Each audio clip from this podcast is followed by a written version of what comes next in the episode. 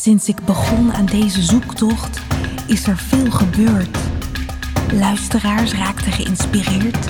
Ze gingen aan de slag met de inzichten en lessen uit de afleveringen.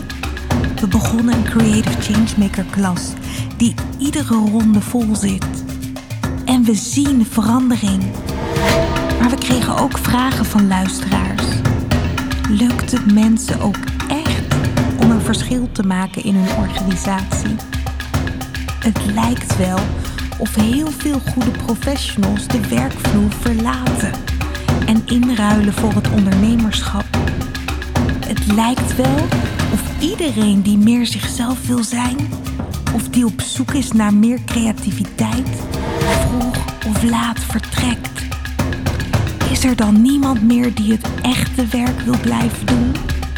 Moeten we per se allemaal stappen buiten de organisatie maken om tot ons recht of op onze plek te komen? Of is het ook mogelijk om als creatieveling of veranderaar binnen het primaire proces te blijven? Laten we onderzoeken hoe het in praktijk gaat met mensen die de uitdaging aangingen. Je hoort Creative Changemaker in het wild. Misschien heb je tijdens het luisteren naar deze podcast wel eens gedacht: ja, ik vind het heel interessant en super inspirerend. Maar in mijn werkomgeving is het echt heel lastig om creatief te zijn. Mijn organisatie is namelijk echt heel formeel en heel hiërarchisch. In deze aflevering hoor je het verhaal van Romy uit het Broek, Creative Changemaker in het wild. Romy werkt bij de Nederlandse Defensie Academie, onderdeel van Defensie. Bij uitstek een formele, hiërarchische organisatie. Romy deelt haar persoonlijke reis ze deelt met ons hoe ze haar eigen weg vond als creative changemaker binnen de kaders van zo'n geordende, vrij strakke werkomgeving. En het verhaal van Romy laat zien dat het mogelijk is om binnen die kaders ook buiten de lijntjes te kleuren. Om zelfs daar de status quo uit te dagen en een positieve impact te hebben terwijl je eigen werk er ook leuker van wordt. Romy bewijst dat je altijd je eigen pad kunt vinden en een verschil kunt maken, zelfs met kleine aanpassingen. Chaos in de orde. De zoektocht. Ja, Romy, welkom. Dankjewel. Creative Changemaker in het wild. Dat klopt. Durf jij jezelf inderdaad zo te zien? Absoluut. Ja, ja, ik ben best wel van uh, wilde plannen buiten de kaders uh, en ik ga er graag op uit. en ik laat dat ook graag op creatief vlak vandaag wat verder vertellen. Nou ja, wij gaan zo uh, daarin duiken, hoe jij dan precies die creative changemaker in het wild bent. Maar ik wil eerst even met je terug in de tijd. Mm kun jij je herinneren uh, hoe je was toen je een jaar of, nou ja, zes, zeven was misschien? weet je nog wat je toen wilde worden? Absoluut, ja. ik had een ziekelijke obsessie met dolfijnen. En mm. ik wilde dolfijnentrainster worden. Um, ik heb ook meegedaan aan een wedstrijd van uh, het Dolfinarium. Oh, uh, dan kon je een dag meelopen met een dolfijnentrainer. Ik dacht, nou ja, dit is hem. Dit is mijn kans om te netwerken als zesjarige. uh, ik heb die wedstrijd niet gewonnen en ik, mijn hart was gebroken. Oh. en toen heb ik volgens mij ook daarna in geen enkel vriendenboekje meer opgeschreven dat ik dolfijnentrainster wilde worden. Het is ook heel lang stilgebleven. Het en was gewoon echt het einde van die droom. Ja, ja, ja ja. En, en, en liet je toen die regel leeg in dat vriendenboekje? Of was er nog wel een soort van plan B op die leeftijd? Volgens mij had ik het geluk dat de vriendenboekjes, weet je, een paar jaar later ook weer een beetje uitdoofden qua populariteit. Eh, maar toen wist ik wel weer heel snel uh, iets met mensen gaan doen. Uh, en toen ben ik al vrij snel op psychologie gekomen. Ah, dus je hebt de dieren verruild voor de, voor de, mensen. Ja, ja. Oh, mooi. Dus ja, je, bent je hebt dus gekozen om psychologie te studeren. Klopt. Na je middelbare schooltijd. Um, omdat je iets met mensen wilde. Nou ja, laat, hou ons niet langer in spanning. Wat ben je uiteindelijk geworden? Ja, ik was uh, een ontzettende uh, nerd tijdens mijn studieperiode, dat mhm. durf ik wel te zeggen. Ik vond studeren fantastisch. En ik dacht, hier moet ik mijn passie van maken. Uh, om anderen ook te laten zien hoe fantastisch onderwijs is en hoe fantastisch studeren is. Dus ik ben nu onderwijskundige. Ah, mooi. Ja, dus echt bezig met leren om te leren en leren ontwikkelen, denk ik. Ja, ja. absoluut. Ja. En schets het even voor de luisteraars. In wat voor context werk jij nu? Ja, ik ben de onderwijskundige bij uh, de Nederlandse Defensieacademie. Uh, dat is een militaire academie waar de officiersopleidingen voor defensie worden uh, ontwikkeld en verzorgd. Ehm, dat is, nou ja, defensie is veel in het nieuws nu. Uh, dat is een traditionele omgeving, dat is een hiërarchische omgeving, maar voor mij ook een ontzettend inspirerende omgeving, omdat ik met zoveel, door zoveel mensen omringd word die heel veel passie hebben en heel gedisciplineerd zijn. Uh, en daar mag ik adviseren uh, over de kwaliteit van het onderwijs, meedenken over hoe we meegaan met de toekomst van het onderwijs, uh, meedenken wat maakt nou een goede docent maar ook zeker wat maakt een goede student. Ja, en wat is daar in jouw, jouw, jouw werk? Schets eens wat je, wat je mag doen. Ja. Eh, eh, ja, ten aanzien van het leren, van het ontwikkelen. Wat, wat is jouw rol? Dat uh, kan van heel klein, door bijvoorbeeld een docent te adviseren hoe uh, hij of zij uh, het college, het hoorcollege moet opstarten. Um, start je meteen met je eerste PowerPoint slide en je begint met je verhaal? Of wil je mensen eerst gaan prikkelen, warm maken voor wat er gaat komen en nieuwsgierig maken? Uh, maar dat kan ook uh, veel breder. Uh, advies geven over een heel curriculum. Ehm, er, is een, een bed, er worden verschillende bachelors verzorgd. Hoe moet zo'n bachelor nou eruit zien van begin tot eind? En wat voor opbouw of over wat voor moeilijkheidsgraad hebben we het? wat moet de juiste balans zijn tussen theorie praktijk. Want dat is uiteindelijk wel waar de studenten uh, voor opgeleid worden om die officier te worden in de werkpraktijk van Defensie. En je, je zegt al, het is een hiërarchische omgeving. Nou, ik denk dat we daar ons allemaal wel een voorstelling bij kunnen maken in het geval van uh, een defensieorganisatie en, en ook een defensieacademie dan uh, als onderdeel van die organisatie. Maar je zegt tegelijkertijd zijn er ook heel veel mensen in de organisatie die met ja, heel veel, volgens mij zei je passie of een bepaalde gedrevenheid daar werken. Um, eh, eh, ja, schets eens. Wat, wat, wat voor type mensen heb je mee te maken? Uh, dat uh, verschilt heel erg van uh, de, de, jonge studenten die daar hun opleidingen volgen, maar ook van, zoals wij noemen, de burgers. mijn leidinggevende die zit tegen pensioen aan, maar daar kan ik fantastisch mee kletsen en grappen maken. En ik heb een paar andere burgercollega's die weer van mijn leeftijd zijn, een jaartje of 28. Uh, maar ook met veel militairen uh, die uh, met beide benen op de grond staan. Uh, maar ook met heel veel interesse over hun verhalen kunnen vertellen. Maar ook echt een ontzettend inspirerende expertise hebben op de vakken die ze verzorgen. En uh, dan zie je gewoon een sprankeling in mensen hun ogen. En ja, dat vind ik altijd de mooiste gesprekken.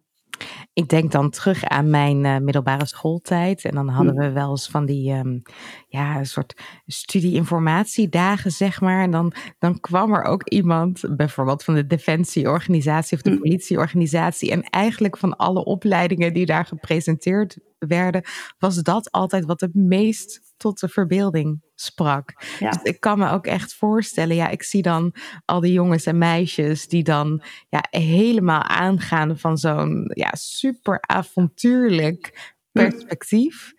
Um, dus ik kan me echt voorstellen dat er heel veel mensen in de organisatie werken die vanuit die energie uh, zijn gestart. Iets, iets, iets avontuurlijks, iets willen bijdragen. Iets ja. Uh, ja toch wel in landsbelang. Hè? Dus mm -hmm. um, zie, zie je dat inderdaad terug? Is dat, is dat een bepaalde energie die, die mensen meebrengen? Absoluut. Ja, ja, zowel op onderwijs als op onderzoekvlak willen bijdragen voor inderdaad uh, voor Nederland en voor Defensie. En merk je, het is natuurlijk een organisatie, nou ja, je noemt hem hiërarchisch. Ik denk dat er ook veel regels zijn. Uh, en ook dat het belangrijk is dat er veel regels zijn in de organisatie. Vond jij het vanaf het begin makkelijk om daarin, uh, in die omgeving, creatief te zijn? Of was het echt wel even zoeken? Hoe, hoe, ging, hoe ging dat in het begin? Ik vond het zo ontzettend lastig. Ja? Uh, ja, ik ben nu 2,5 jaar, ik ga richting drie uh, op deze functie. Mm -hmm. En ik kwam van een hele kleine organisatie, klein als in tien man. Oh, ja. We zaten met elkaar in één ruimte. Uh, we kenden elkaar door en door. in de lunch werden er bordspellen gespeeld. na het werk gingen we nog wel eens een filmpje kijken of een terrasje op. Uh, heel luchtig, hele korte lijntjes. Uh, en toen in één keer kwam ik in een organisatie van, ik heb het nog even opgezocht, 68.000 man. Oh jeetje, ja. Een hele andere omgeving. Uh, en ik wist gewoon mezelf in het begin uh, niet welke houding ik mezelf moest geven. Ehm, en um, ik heb daar, ik heb toevallig nog even uh, mijn journal erbij gepakt. Ja. En uh, ik ben een hele interessante tekening tegengekomen. Het is jammer dat ik hem niet kan laten zien, maar uh, ik zal hem even beschrijven. Ja, ja. ik heb een etalage getekend en dat is een etalage van een hoedenwinkel. Ja. En er zitten allemaal verschillende paspoppen met verschillende hoeden. er zit een flamboyante, felroze hoed met een gele strik, een cowboyhoed van leer, een koksmuts, maar ook zo'n. Um, ik, ik weet het officiële woord niet. nou, niet een beret, maar dat is de, dat, het hoedje wat je opdoet als je afstudeert. En oh, wat je ja. dan in de lucht ja. mag gooien. Ja, ja. ja. ja. dus die staan allemaal naast elkaar. En zo, dat was Romy in het begin, onderwijskundige bij de Nederlandse Defensie Academie. Alsof ik continu aan het wisselen was met die hoeden. Eigenlijk op het werk continu die experthoed op. Ja. Uh, maar thuis droeg ik mijn flamboyante hoed. Bij vrienden droeg ik mijn koksmuts. Uh, weer buiten de deur met sporten droeg ik mijn cowboyhoed. En ik was continu verschillende hoeden aan het passen. Uh, en continu aan het wisselen tussen Romies. En ik dacht, dit klopt niet helemaal. Waarom ben ik zo aan het zoeken naar welke Romy ik moet zijn? En wat denk je, waar had dat mee te maken? Was dat dan toch dat je in het begin heel alert was van is iemand een burger of een militair? Heeft iemand strepen of niet? Uh, hoe, ja, wat had ja. te maken? Ik denk dat dat echt wel inderdaad die, die visuele cues waren. Zeg maar, wat zat er op het uniform? Uh, toch wel indrukwekkend om dat zo voor je te zien. Uh, maar ook uh, van uh, wat ik zei, die korte lijntjes in een organisatie van tien naar in één keer zo'n grote organisatie met verschillende instituten, afdelingen, namen, afkortingen. Mhm. Ik denk dat menige defensiecollega mee kan lachen om de verschillende afkortingen die we kennen bij Defensie. en dat was zoveel informatie dat ik gewoon mezelf niet wist welke houding ik moest geven. Ik um, denk dan ook uh, meteen terug aan mijn eigen verhaal. Ik, uh, ik, ik, noem vaak mijn allereerste werkdag. Uh, toen kwam ik inderdaad na 90 minuten in een vergadering. Hm. Met allemaal afkortingen die over tafel gingen. De zinnen die ik amper begreep, omdat ze aan elkaar hingen van jargon. Ja. En mijn eerste neiging was toen dat ik de afspraak maakte met mezelf. Ik ga me zo snel mogelijk aanpassen. Want Hm. zodra ik weet hoe hier de hazen lopen, dan kan ik weer een beetje ademen en functioneren. Ja. Met dus als effect dat ik binnen een paar maanden eigenlijk gewoon deed wat iedereen deed. Hoe, hoe was dat voor jou? Ja, nou, heel vergelijkbaar inderdaad. Uh, maar zo snel mogelijk uh, je bekendmaken met de afkortingen en vooral gaan veel gaan praten en doen zoals je om je heen ziet. Mm -hmm. Dat, is, ja, dat is het voorbeeld wat je ziet. Dus dat is dan ook erg makkelijk uh, van te leren. Uh, ik heb, nou ja, uh, ook een heel groot deel van mijn kledingkast gewoon veranderd. Uh, in, in, in pakken en in, ik draag heel veel kleur, maar in één keer droeg ik wit en grijs en wat vaker zwart. Uh, toen ik, maar dit is helemaal niet Romy, want Romy is die flamboyante roze hoed ja. en draagt pailletten. En als het kan, ik heb nog niks met veren, maar ik zou heel graag een mooi kledingstuk met veren willen hebben. Het klinkt een beetje alsof je jezelf ook een uniform wilde aanmeten in die organisatie. Oh, dat vind ik heel mooi gesproken. Ja, ja, ja.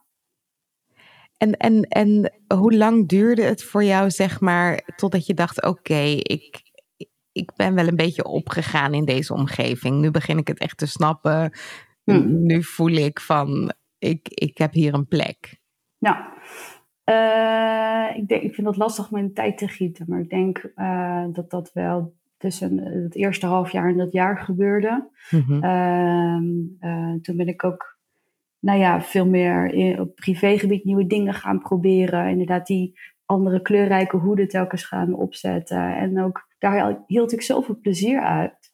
Uh, nog meer dan bij werk. Bij werk haal ik ook heel veel plezier eruit. Maar dat ik mhm. dacht, waarom kan werk niet van deze Romy profiteren? En vice versa.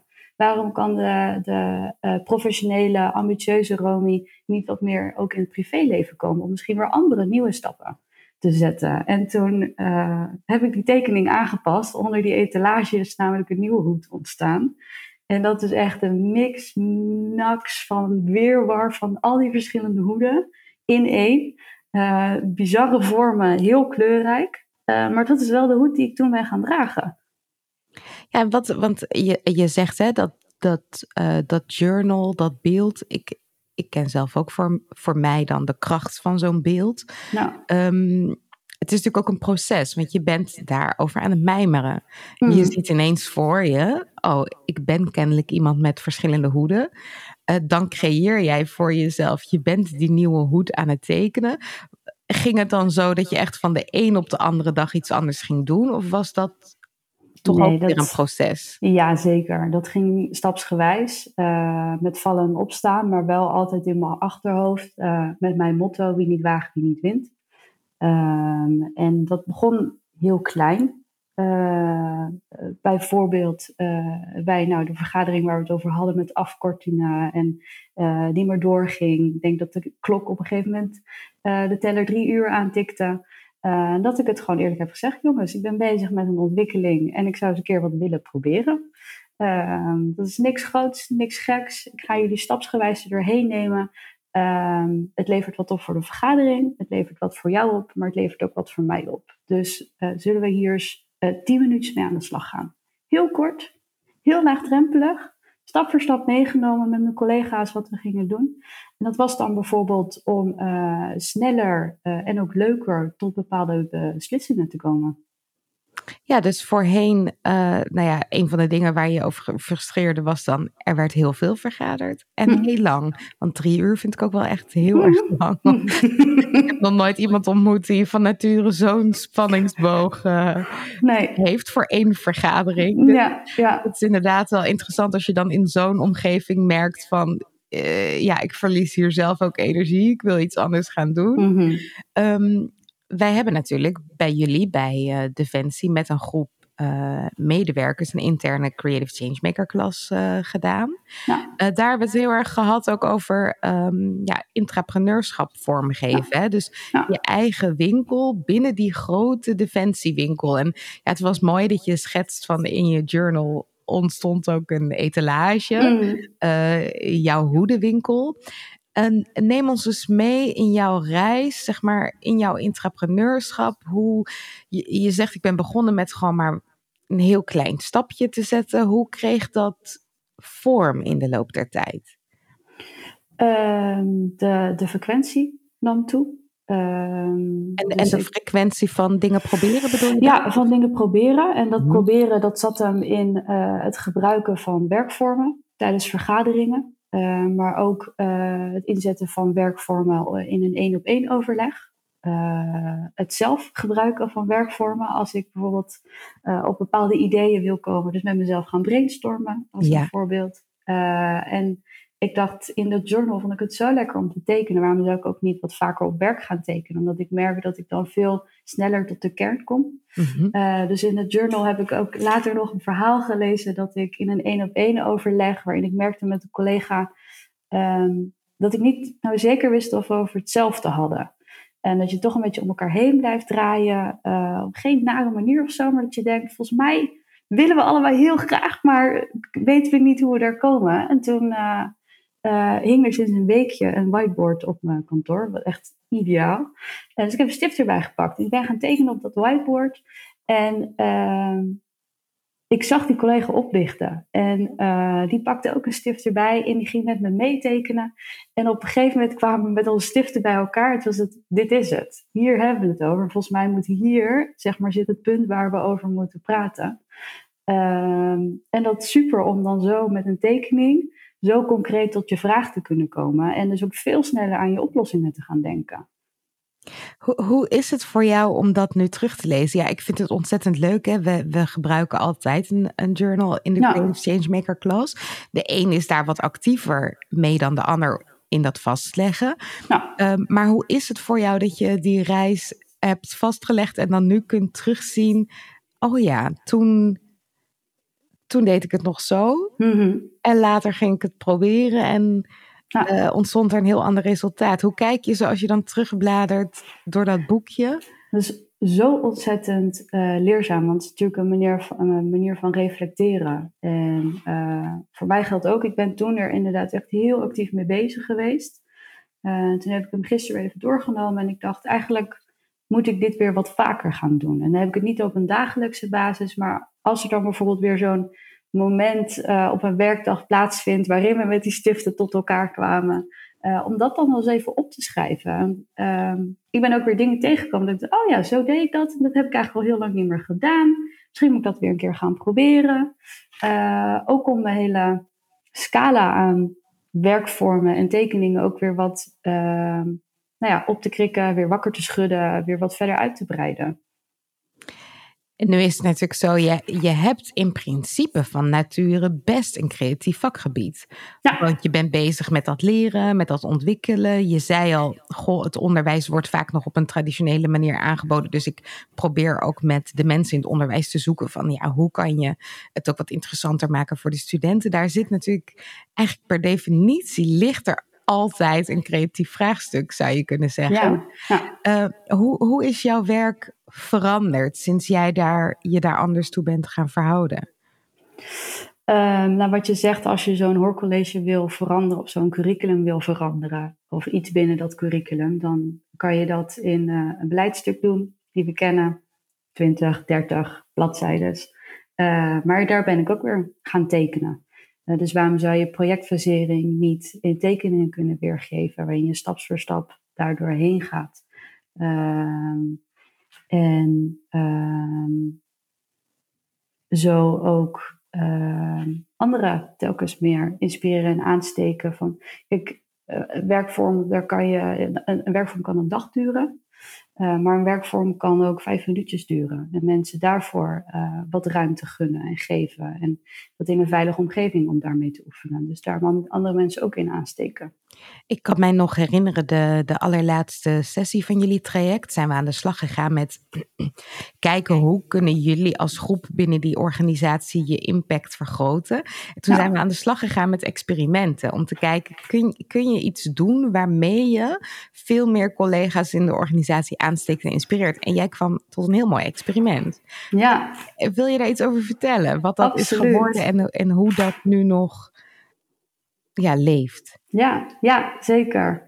Uh, dat experiment uh, van mij heet de Learning Snack. En uh, de Learning Snack is een behapbaar klein brokje didactiek. met als doel om het onderwijs interactiever in te richten. Zowel voor docent als student, om uiteindelijk ook de leerresultaten te verhogen. Daar doen we het voor, dat we ook gekwalificeerde studenten opleiden. Uh, met het hele idee was, het moet klein zijn. Dus ik heb als regel gezet, het moet binnen 15 minuten uit te voeren zijn. Uh, tijdens een fysiek lesmoment. Ehm, en uh, het moet ook niet te ingewikkeld qua materialen zijn. Okay, er zijn fantastische digitale tools. Uh, maar voordat je dat zeker binnen 15 minuten goed kan inzetten, daar gaat zoveel tijd in vooraf zitten. En dat wilde ik juist voorkomen bij docenten. En de learning snack, nou ja, als een soort een snack. ik heb een metafoor eten gekozen. dat is ook ja, dat is de tip die ik voor jullie tijdens het Creative Changemaker traject heb geleerd, is kies eens voor metaforen. daarin kan je ideeën verder in ontwikkelen, maar metafoor maakt iets ook heel beeldend. Dus een learning snack was voor mij, dat ga ik vormgeven in een recept in een receptenboekje. En ik ga het ook als recept opschrijven. Dus wat is je voorbereidingstijd, je prep time? Wat is de kooktijd? Voor hoeveel personen kan je dit opdienen? En dus hoe goed, of je werkvorm bij hoeveel mensen kan dat in uh, het hoorcollege aansluiten? Uh, maar ook wat voor ingrediënten heb je nodig? Dus heb je misschien wel post-its nodig of pennen, uh, ruimte van een bepaald formaat. En dat gewoon stapsgewijs alsof je uh, een soepje aan het voorbereiden bent. Maar nu maak je geen soepje, je bent nu een werkvorm aan het voorbereiden. Die je tijdens een college um, kan inzetten. En um, nou ja, er kwamen allemaal beelden van eten voor me. Ik kreeg ook een beetje trek. Uh, en toen dacht ik, hé, hey, misschien moet ik daar iets mee gaan doen. Die eerste learning snack, die moet ook een beetje de honger stillen, letterlijk en mhm. figuurlijk. Mm -hmm. uh, dus ik heb mijn idee kunnen pitchen bij de NLDA dus een klein stukje budget voor vrijgemaakt. En uh, toen kon ik ook letterlijk stekjes kopen. Uh, en de eerste learning snack heb ik dus uh, uitgeprint. Ben ik rond gaan delen bij alle docenten. Even kort vertellen van wat is dit nou? Zeg maar, wat kom ik hier nou weer brengen? Maar ook met letterlijk een klein snackje erbij. Ja, het zag er waanzinnig uit. Het recept was ook mooi vormgegeven. Hm. Ja, ja dat doe, daar, daar doe ik ook veel in het begin veel tijd in gestoken om dat goed te laten staan. Mm zodat het ook een werkbaar format is, uh, wat ik nu continu kan gebruiken. maar wat ook later, dus ook wel, wel, misschien wel een droom, wat andere mensen ook kunnen gaan inzetten. om zo nog meer learning snacks te creëren. Ja, dat zij ook recepten kunnen mee bedenken en meeschrijven. Ja. Hoe, hoe werd erop gereageerd? super positief wel. Ja, ook, ook wel een beetje zo uh, onwennig misschien in het begin. Ja. Uh, maar het was heel leuk om na het eerste moment dat ik zat uh, uitgedeeld, rondgedeeld, om dan collega's langs te zien komen bij mijn kantoor of op de, in de mailbox. Romy, ik heb deze werkvorm geprobeerd. Het was echt super leuk en we oh. hebben lol gehad in het klaslokaal. En ik heb in één keer gemerkt waar studenten het al heel goed doen of waar studenten het nog niet zo goed doen. En zo kon ik mijn college anders en beter inrichten. Dus het was super om om dat, uh, om dat eigenlijk als eerste reacties te horen. Ja, en waarom ik het nou zo'n geweldig voorbeeld vind, is omdat het en voor jou uh, heeft gezorgd dat je gewoon een, een heel creatief project creëerde, wat hm. direct te maken heeft met de inhoud van je werk. Ik bedoel, je had al een doelstelling om docenten daarin te inspireren en mee te nemen. En jij hebt daar voor jezelf een heel creatief proces van kunnen maken, waarin je tot een concept kwam wat jou heel veel plezier gaf, wat je misschien nog steeds heel veel plezier geeft. En je biedt direct je collega's iets wat voor hen ook weer creativiteit biedt. En, en, en, leuk is om te doen. Ja, ja, ja, super. Ja, ik vind het een, uh, een prachtig uh, voorbeeld uh, van je. Wat, wat, zijn nog meer lessen die, die je hebt geleerd en waarvan je zegt, ja, die hebben echt een verschil gemaakt in, in hoe ik in mijn werk sta of, of hoe ik nu me voel in mijn werk? Um door. Uh, ik, ik kan heel groot denken. En er komen soms wel twintig ideeën tegelijkertijd op me af. Uh, en ik zou ook heel graag dat allemaal willen oppakken, heel groot willen gaan werken. Maar ik merk, uh, als je in een omgeving zit die gewoon nog niet zo gewend is aan creativiteit of innovatie, om het dan heel klein te maken. Kies nou echt misschien 1% van die ideeënbundel van 20. En maak dat nou eens zo, zo tastbaar, zo beeldig mogelijk. Misschien weer dus met een metafoor. Uh, Zo'n metafoor, dat kan ook uh, sport zijn, vakantie, een bepaald land, uh, een bepaalde kleur misschien wel. en als jij dat idee in één zin kan opschrijven en dat dus beeldend kan maken, om daar eens mee te starten. En die verandering kan inderdaad zo klein zijn als één nieuwe werkvorm in een uh, college of uh, een verandering die zo klein is als uh, we lopen wat vaker bij elkaar naar binnen in plaats van dat we gaan mailen. Um, dus ja, ik ben zo van voorstander van groot denken. Maar als je nou toch een verandering wil maken, heel klein beginnen. En, een, kleine, een klein vonkje eigenlijk. En, en waarom zeg je dat? Want dat heeft natuurlijk een reden. Hm. Waarom klein?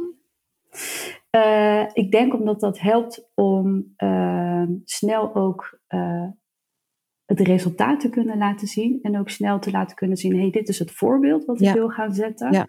Uh, en dan dat mensen ook veel sneller kunnen volgen, omdat het zo zichtbaar is en zo tastbaar. Uh, en het ook binnen misschien wel een week, uh, nou, een dag, een mhm. resultaat heeft opgeleverd. En ja, daar worden mensen blij van, van een succes. Ja, precies. Dat je zelf succeservaringen opdoet. Precies, ja. En als ze zien dat die succeservaring zo snel van zo'n kleine handeling kan, uit zo'n kleine handeling kan volgen, uh, dan is dat denk ik ook wat minder spannend om die stap te nemen en eens je werk anders aan te pakken. Of anders op een collega af te stappen. Ja, en ik denk ook dat een belangrijk element is dat zolang het in je hoofd zit, hm. is, het, is het ook van jou. En dan kan het ook best een beetje zwaar voelen. Terwijl als jij het, uh, hoe klein het ook is, de wereld inbrengt. Ja. Nou ja, jij hebt zelfs een beetje budget gekregen uiteindelijk voor, je, voor je plan. En, en, en ik denk dat het ook wel het effect heeft dat. Um, um, je wordt ook anders gezien door je collega's. Ja, absoluut. Ja, ja want ik ben nu niet meer uh, alleen de onderwijskundige. Ik ben in de, de afgelopen tijd ook nu veel meer gevraagd als creatieve facilitator van bepaalde sessies. En die sessies raken wel aan mijn onderwijskundige werk. Mm maar ik kan daar ook echt even een andere rol aan nemen. Ik bedenk dan nu de sessies. Soms zijn ze twee uur, soms vier uur. Ehm, twee maanden terug heb ik er eentje van twee dagen gedaan. Uh, om je van begin tot eind uit te denken. Ik heb een doel voor ogen. Hoe gaan we daar dan komen? Uh, en dan niet alleen met vergaderen, maar juist vergaderen in een bepaalde werkvorm. Uh, brainstormen om zo sneller en makkelijker en duidelijker tot dat doel te komen. Dus um, dat vind ik fantastisch dat dat erbij is gekomen in mijn rol als onderwijskundige. En dat er een nieuwe hoed misschien wel bij is gekomen in die etalage, die ik met heel veel plezier nu draag als facilitator van sessies, als uh, vraagbaak waar mensen nu langskomen. Rom, ik wil het dus anders aanpakken. Bijvoorbeeld iemand gehad, ik wil een sollicitatie anders aanpakken. Ik wil geen brief schrijven. Wat kan ik doen? Kan je eens meedenken? Uh, en dat er nu op professioneel gebied van mij op die manier mijn advies en expertise wordt gevraagd, had ik nooit kunnen denken. Maar ik ben heel blij dat het gebeurt. Ja, dus jij wordt ook echt herkend als creative changemaker. Absoluut. Ja. Mooi. Kun jij je nu nog voorstellen, zeg maar, die eerste paar maanden, hoe mm. je toen werkte? Ja, kun je, dat kan je je bijna niet meer voorstellen, nee, denk ik. Nee, dat voelt echt, het voelt ook als, als, als zo lang geleden. En ja. Uh, nou ja, ik was ook laatst mijn kledingkast aan het opruimen om van, van winter naar zomer te gaan. Ik kwam inderdaad van, van die kledingstukken in die beginperiode tegen. Ik dacht, waarom heb ik dat, waarom heb ik dat gedaan? Hmm. Dus afspraak met mezelf gemaakt, dat ga ik dus nooit meer doen. Het mag gewoon Romy zijn in elke omgeving. Ja, mooi. Nou. Ja, ik denk dat dat ook echt de kracht is. Hmm. Um, je hebt zoveel van jezelf in te zetten en heel veel mensen verstoppen wel iets in hun werk. En als je dat nou niet meer hoeft te doen, hoeveel vrijer ben je dan? Hè? Hoeveel fijner voel je je dan? Ja, ja. Zijn er dingen waar je nog echt een beetje zoekende in bent, waarvan je zegt van ja, uh, soms voel ik toch nog uh, kramp of frustratie. Ik, ik, ik zou wel wat meer willen. Uh, maar ja, dat zijn nog dingen waar ik echt wel een beetje tegenaan loop in, in de context of in, mm. in, in, je eigen vaardigheden? Of... Ja, het zitten denk ik wel wat verschillende vlakken. Voor een deel, uh, de, als ik hem even hou op de learning snack, zit dat op daar bijvoorbeeld in de impact. Ik zou willen uh, zorgen uh, en willen nadenken over hoe ik die impact kan vergroten. Want bij de collega's um, die misschien uit zichzelf al dat, dat sprankje, die vonkeling hadden om creatiever of interactiever met onderwijs om te gaan. Daar landt het. Maar ik zou het bij iedereen willen laten landen. Bij iedereen een klein stukje in die mindset te veranderen. Uh, ik zou het misschien ook wel uh, iets meer instituut overstijgend willen doen. Ja. Uh, ik doe het nu eens heel specifiek voor één instituut binnen mm -hmm. de mhm. Nederlandse Defensie Academie. maar waarom zou ik niet voor verschillende instituten kunnen werken. Um, daar heb ik laatst ook al een klein, heeft iemand me laatst ook al een klein beetje een idee ingegeven. Die was van een heel ander instituut. Ik kwam mijn Learning Snack op LinkedIn tegen. En die zei, ja, ik heb het binnen mijn instituut ingezet. En ik dacht, oh, ik wist helemaal niet dat dat daar komt. Maar blijkbaar kan het. Is iemand dat zelf gaan oppakken. Uh, en ik zou daar wel wat, wat, wat, mm, wat langer bij willen stilstaan. Om hoe dat te kunnen uitvoeren. Um, en ik merk dat um, het ook als creative changemaker heel makkelijk is om te vervallen in de dingen die je al kent en die je al doet. Dus ik heb gewoon bepaalde werkvormen waar ik um, weet dat ze werken, dat ik ze zo kan uitvoeren on the spot. Um, maar ik wil toch uh, die toolbox, om maar even zo te noemen, continu blijven aanvullen. Continu op de hoogte blijven van nieuwe werkvormen, van nieuwe tools die ik kan gebruiken. Um, ook, weet je, waarom zou ik altijd hetzelfde uh, icoontje willen tekenen voor één bepaald onderwerp? Waarom kan ik daar niet vijf voor gaan verzinnen? Ja. Uh, Dus dat is iets waar ik mezelf wel in uh, wil blijven uitdagen. En eigenlijk is dat ook perfecte laagdrempelige training om je hm. creatieve spier echt aan te zetten. Ja. Maar het is ook, denk ik wel, dat. Um, we leven nou eenmaal in een, in een vaak in een werksoort waar de waan van de dag heel groot is. Hmm. En heel veel moet gebeuren. Dus het is ook oké als je af en toe uit gemak of automatisme terugvalt op die dingen waarvan je weet die werken. Die zijn leuk. Ja. Die kan ik nu moeiteloos inzetten. En dan de momenten te kiezen waarop je iets meer denkruimte ervaart, iets meer rust om, om die periodes te gebruiken om jezelf weer een beetje uit te dagen. En ik denk ook, weet je, zeker voor jou, uh, met jouw profiel, omdat je zegt ik heb altijd zoveel ideeën. Um, um, is het ook wel oké als je uh, een tijdje hetzelfde doet, want jij gaat je vanzelf wel weer vervelen. En dan merk je, oké, nu, nu deze werkvorm heb ik al zo vaak gedaan, die, ja. die vind ik niet meer spannend. Er komt vanzelf wel weer dat moment dat je, dat je, dat je die innovatiedrang voor jezelf uh, ja. ook voelt. Ja. Daar ben ik wel van, uh, van overtuigd, ja. Ja, ja, ja, dus daar probeer ik zelf ook zeker niet te, te streng in te zijn hoor. Nee, als voorbeeld die, die tweedaagse sessie die ik dan een tijdje mhm. terug heb gefaciliteerd. Uh, een heel sessieplan voor geschreven. Maar uh, dan in één blok dat ik twee opties had. Afhankelijk van hoe de groep erbij zit, hoe ik me voel. Ga ik voor degene die ik ken en dus makkelijk kan inzetten? Of merk ik dat er uh, de ruimte voor is en de tijd voor is om eens een keer een nieuwe te introduceren? Ja. En wat werd het uiteindelijk? Uh, dat is telkens een combinatie geworden. Dus ik heb okay, inderdaad wel wat ja. nieuwe dingen gedaan. Ja, ja. maar ook uh, zeker in het begin, waarin we nog met, met de hele groep aan het aftasten waren, uh, niet meteen de meest gekke, bizarre, grote dingen uit nee. de kast te trekken. Nee, en nee. Dat, dat klinkt ook heel verstandig om dat ja. zo te Zeker doen, als je twee dagen met elkaar zit. Absoluut, je hebt gewoon verschillende belangen. werk. Ja, zeker. Je zei nog wel iets moois en ik denk dat mensen daar ook wel echt van kunnen leren. Um, ik zie namelijk dat veel mensen het ook vergeten, maar LinkedIn is ook een etalage. Mm. En juist door af en toe dingen te delen uit je proces, uh, zien niet alleen mensen buiten je organisatie waar je mee bezig bent, maar reken maar dat je collega's ook met jou verbonden zijn ja. via LinkedIn. En soms werkt het echt heel goed als ook je eigen collega's, zelfs uit je hele directe team of je eigen leidinggevende ziet via zo'n platform van hé, hey, Romy is niet meer diegene die alleen maar binnenkwam met dat takenpakket. Nou. Zij is leuke dingen aan het doen, of ze heeft een interessante visie, of uh, ze is erg betrokken bij uh, ontwikkelingen. Hm. Ik, dus ik wilde het toch nog even aanstippen, want ik denk, ja, mensen vergeten vaak dat ze dat ze eigenlijk, of ze nu willen of niet, ze hebben sowieso wel een winkeltje binnen de winkel. En is ja. dat dan een winkel ergens in een verscholen steegje met een stoffige etalage hmm. waar de deur dicht is uh, ja. Of is dat een, een, een winkel ja, waarin mensen zich uh, welkom voelen en ja. waar de etalage je nieuwsgierig maakt? Zeker, ja. Ja, ja en hier gold voor mij ook wel hoor. Um, uh, wie niet waagt, wie niet wint. Ik ben helemaal niet zo van alles etaleren, ik blijf even mhm. in dat mooie woord, mm -hmm. uh, op social media uh, mm -hmm. of op nou ja, professional media zoals LinkedIn. Maar ik dacht ook, ja, wat heb ik nou te verliezen? Ja. Laat, ik, laat ik nou eens gewoon een berichtje typen over waar ik mee bezig ben. Want ik ben er trots op. Ik merk dat het goede positieve veranderingen brengt. Mm En inderdaad, om dan te zien wat voor bereik je eigenlijk hebt mm op een goede manier.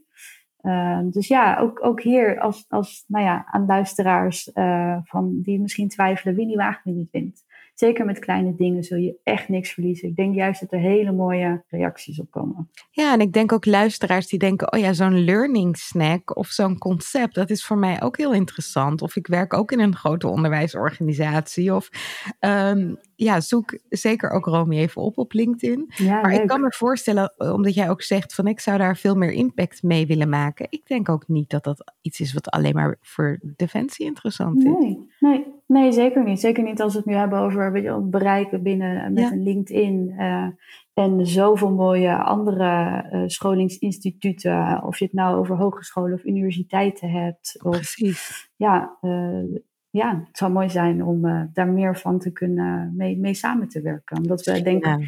zeker als onderwijskundigen, hebben we allemaal hetzelfde ja, doel. Precies. Uh, ja, ja, absoluut. Ja. Ja, dus als er nou een uh, uitgever luistert, dan ook graag even contact. Laten we een receptenboekje uitbrengen. Ja. ja, waarom niet? Hè? Ja. Zo, zo kan het ook zomaar weer, ja, weer super. gaan. ja, ja. ja, mooi. Wat zou jij, je, hebt het, je hebt het al een beetje genoemd, hè? Um, als je uh, zou willen beginnen met wat meer creativiteit inbrengen in je werk, start vooral klein. Nou. Wat, zou je anderen nog, nog kunnen meegeven of willen meegeven? Uh, om ook heel erg uh, dicht bij jezelf te blijven. zo heb ik bij die Learning Snack als voorbeeld, voor, als metafoor voor eten gekozen. Uh, omdat ik ontzettend graag in de keuken sta. Of dat uh, nou uh, de Japanse keuken is, of omdat ik weer een glutenvrij brood aan het bakken ben. ik breng, maar, ik kijk, ik kijk er nu naar, dat, dat zien anderen natuurlijk niet, maar ik kijk nu naar de keuken. Dat is echt een van mijn favoriete plekken. dus dan komen die ideeën ook heel makkelijk tot me, omdat dat een soort van, omdat het een passie van me is. dus als jij nou in welke functie dan ook dol bent op eh, de film bezoeken of op wielrennen. Ook daar vind je vast wel een haakje om misschien iets, om iets mee te starten. Uh, en inderdaad, nou, wat ik al eerder zei, uh, begin klein en dan kan het altijd nog groter worden. Ja, absoluut. En, en misschien is ook nog wel een leuke tip, hè? ook al heb je geen ervaring met, met journalen. Maar ik denk dat die, die kracht van reflectie, dat die, ja, die, die is enorm. Nou. Uh, wat zou bijvoorbeeld een laagdrempelige manier voor iemand kunnen zijn om, um, om, om, om daar een beetje mee te beginnen of op te pakken? Uh, zoals door mijn boekje bladeren. Volgens mij ben ik. Nou ja, je hebt de echt hele bekende reflectiemethodes zoals STAR, situatie, taak, actie, resultaat, reflectie. Die kunnen mensen eens googlen om heel gericht aan de slag te gaan uh, met iets op papier zetten. Maar ook uh, als je je journal openslaat en je moet uh, de dag die je hebt gehad of de week die je hebt gehad eens in één afbeelding neerzetten. Ja. Wat zou je dan tekenen? Ja. Welke kleuren zou je gebruiken? Ja. En begin gewoon eens, eens met kleuren. Kijk, het, is, het mooiste van de journal is, hij is van jou. Hij komt niet in een museum te hangen. Hij wordt niet op social media gedeeld. Dus wat maakt het uit als het niet helemaal perfect of helemaal netjes is? Dus inderdaad, maak een, samen, uh, een beeld als samenvatting van je week. Pak een meer strakke methode die bekend zijn, reflectiemethodes. Um, als je niet zo van tekenen houdt, wel van nog steeds van schrijven, maar niet zo uitgebreid wil schrijven met zijn reflectiemethode, kan je je, uh, je dag of je week misschien samenvatten in een hashtag. Ja. Schrijf eens gewoon een hele grote hashtag in je journal. Ik heb die ook gedaan, volgens mij. Hashtag. Ja. Nou. ja, of geef je dag een cijfer. Of schrijf het weerbericht van de dag. Maar dan ook metafoor, zeg maar. Um, en, en, en de kracht van reflectie is, is gewoon dat je je bewust wordt hè, van mm. jouzelf in bepaalde situaties. Ja. Dus ook, um, goh, als je merkte dat een vergadering je heel veel energie heeft gekost, is het interessant om ook even terug te kijken, ja, met welke energie ging ik er eigenlijk in? Mm, uh, en hoe, met welke energie kwam ik eruit? Weet je, ja. en, en, zit daar een relatie tussen? En wat gebeurde er dan precies, waardoor dat veranderde. Of, uh, ja. ja, en dan heb je toch, als je terugkijkt, jij je zegt al, ik bladerde even terug, uh, is het ook heel fijn namelijk om te merken dat je altijd groeit. Ja. Toch? Ja, absoluut. Ja, zeker. En ook door het weer te lezen weer een stukje verder groei en weer een stukje wijzer wordt. Ja, en ik denk vijf minuutjes in een week, misschien niet eens. Die hashtag kan je in 30 seconden doen, volgens mij. Uh, en dat je in 30 seconden in een week, dus al als je dat wekelijks doet, een groei kan meemaken. Volgens mij is dat heel mooi om zo te kunnen zien. Ja, geweldig. Nou. Waar kijk jij uh, naar uit, Romy? Uh, ik kijk er naar uit om ehm, mijn stifter er weer eens bij te pakken.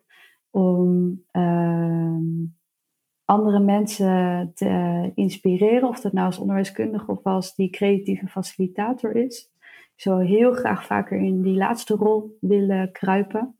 Uh, juist omdat die toch wel plaatsvindt binnen die omgeving van onderwijs en opleidingen. Want dat is waar ik, waar ik werkzaam ben. Uh, en nou, uh, sowieso na de, de zomer uh, de Learning Snacks weer in te gaan zetten. Weer nieuwe te gaan ontwikkelen. en inderdaad weer breder misschien in te gaan zetten. Geweldig, dankjewel. Ik vond het heel leuk om je reis uh, te horen. Dankjewel. Ik hoop ook dat anderen daardoor ook geïnspireerd raken om een klein beginnetje te maken ja. met hun uh, creatieve reis binnen een organisatie. Want als jouw verhaal één ding laat zien, is het, het kan wel.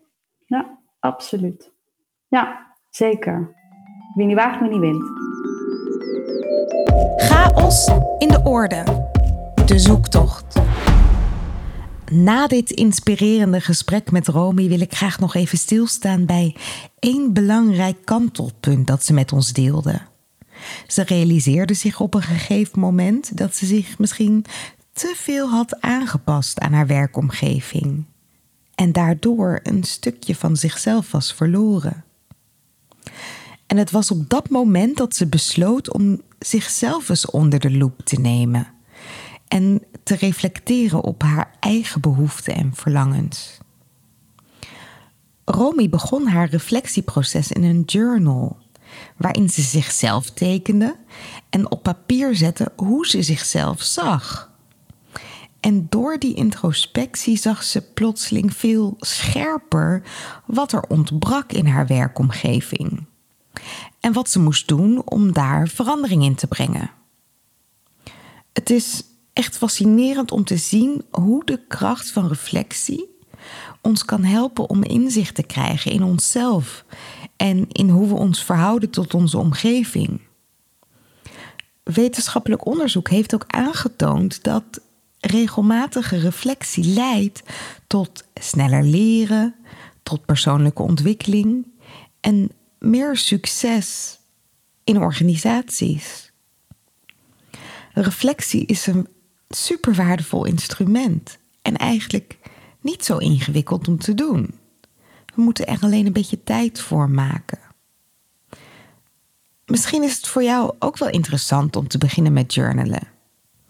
En dat kan in een mooi boekje zijn, maar het mag net zo goed in een oud schrift of zelfs op de computer. Het is vooral belangrijk om te journalen of te reflecteren op momenten dat je een sterke emotie ervaart, zoals intense frustratie na een overleg, extreme verveling of juist een gevoel van voldoening, momenten waarop je echt voelt ik vlieg. Door juist op die momenten vragen te stellen als wat ging aan die emotie vooraf? Wat gebeurde er precies in die situatie? En wat was mijn rol, of juist niet mijn rol? Kun je je steeds bewuster worden van je eigen handelen, je eigen overtuigingen, de invloed van je omgeving op hoe je je voelt, op hoe je je gedraagt. En uiteindelijk zie je daardoor sneller en makkelijker de mogelijkheden die jij hebt om daar iets aan te veranderen. En dat reflecteren hoeft, hoeft echt niet lang. Een paar minuten per dag zou al genoeg zijn. En als die paar minuten erbij inschieten, wees dan mild en doe het misschien één keer per week. Bijvoorbeeld op vrijdag. Je leert jezelf in elk geval beter kennen en het is ook mooi om daarmee je eigen leerproces vast te leggen. Je kan tekenen, je kan schrijven, je kan mindmappen. Vind vooral je eigen vorm. En wie weet, vind jij dan net als Romy ergens de sleutel tot het doorbreken van vastgeroeste patronen? En kun je daardoor een positieve verandering teweeg brengen? Wil je daar nou wat hulp bij in dat hele proces? Meld je dan vooral eens aan voor de Creative Changemaker Class. Dat is een persoonlijk leiderschapstraject waarin je gaat ontdekken hoe jij een rolmodel kunt zijn voor cultuurverandering. Door zelf meer aandacht te geven aan creativiteit en innovatie, kun je ook anderen inspireren. Je leert in het traject over intrapreneurschap, groepsdynamiek, momenten waarop je creativiteit zakelijk kunt inzetten, vormen waarop je creativiteit zakelijk kunt toepassen, hoe je belemmerende overtuigingen bij jezelf herkent en ombuigt in een positieve overtuiging en nog veel meer. Kijk op chaosindeorde.nl voor meer informatie over de Creative Changemaker Class. En als je daar toch bent, de kaartverkoop voor Chaos in de Orde, het werkfestival, is gestart. Ik zou het ontzettend tof vinden om je op 23 november, uh, nee, 24 november 2023 op de website staat het goed. 24 november 2023 met je collega's te ontmoeten in de fabriek in Utrecht. We gaan dan met elkaar op innovatiesafari. En ja, dat wordt net zo leuk als het klinkt. Een geweldige, zinnenprikkelende experience met inspirerende interactieve spreeksessies en workshops. Dat wil je zeker niet missen. Dus nog één keer, 24 november 2023. En alles vind je op geilsindeorde.nl. Creativiteit, innovatie. Het lijkt omgeven door een mysterieuze mist. Een geheim voor briljante breinen en getalenteerde kunstenaars. En toch, het moet toch voor iedereen toegankelijk zijn? Aflevering voor aflevering graaf ik steeds een stukje dieper. Ben jij enthousiast? Abonneer je dan op deze podcast en laat een review achter in de app waarmee je luistert. Hoe meer reviews we ontvangen, hoe meer mensen deze podcast kunnen vinden. Zo zorgen we samen voor meer chaos in de orde. Wil jij zelf chaos in de orde brengen? Download dan gratis het e-book Chaos. 10 manieren om patronen te doorbreken. Je vindt het op chaosindeorde.nl slash podcast. Deze podcast wordt je aangeboden door Huis van Verbeelding. Het bedrijf voor zakelijke creativiteit. Tot de volgende keer en veel chaos!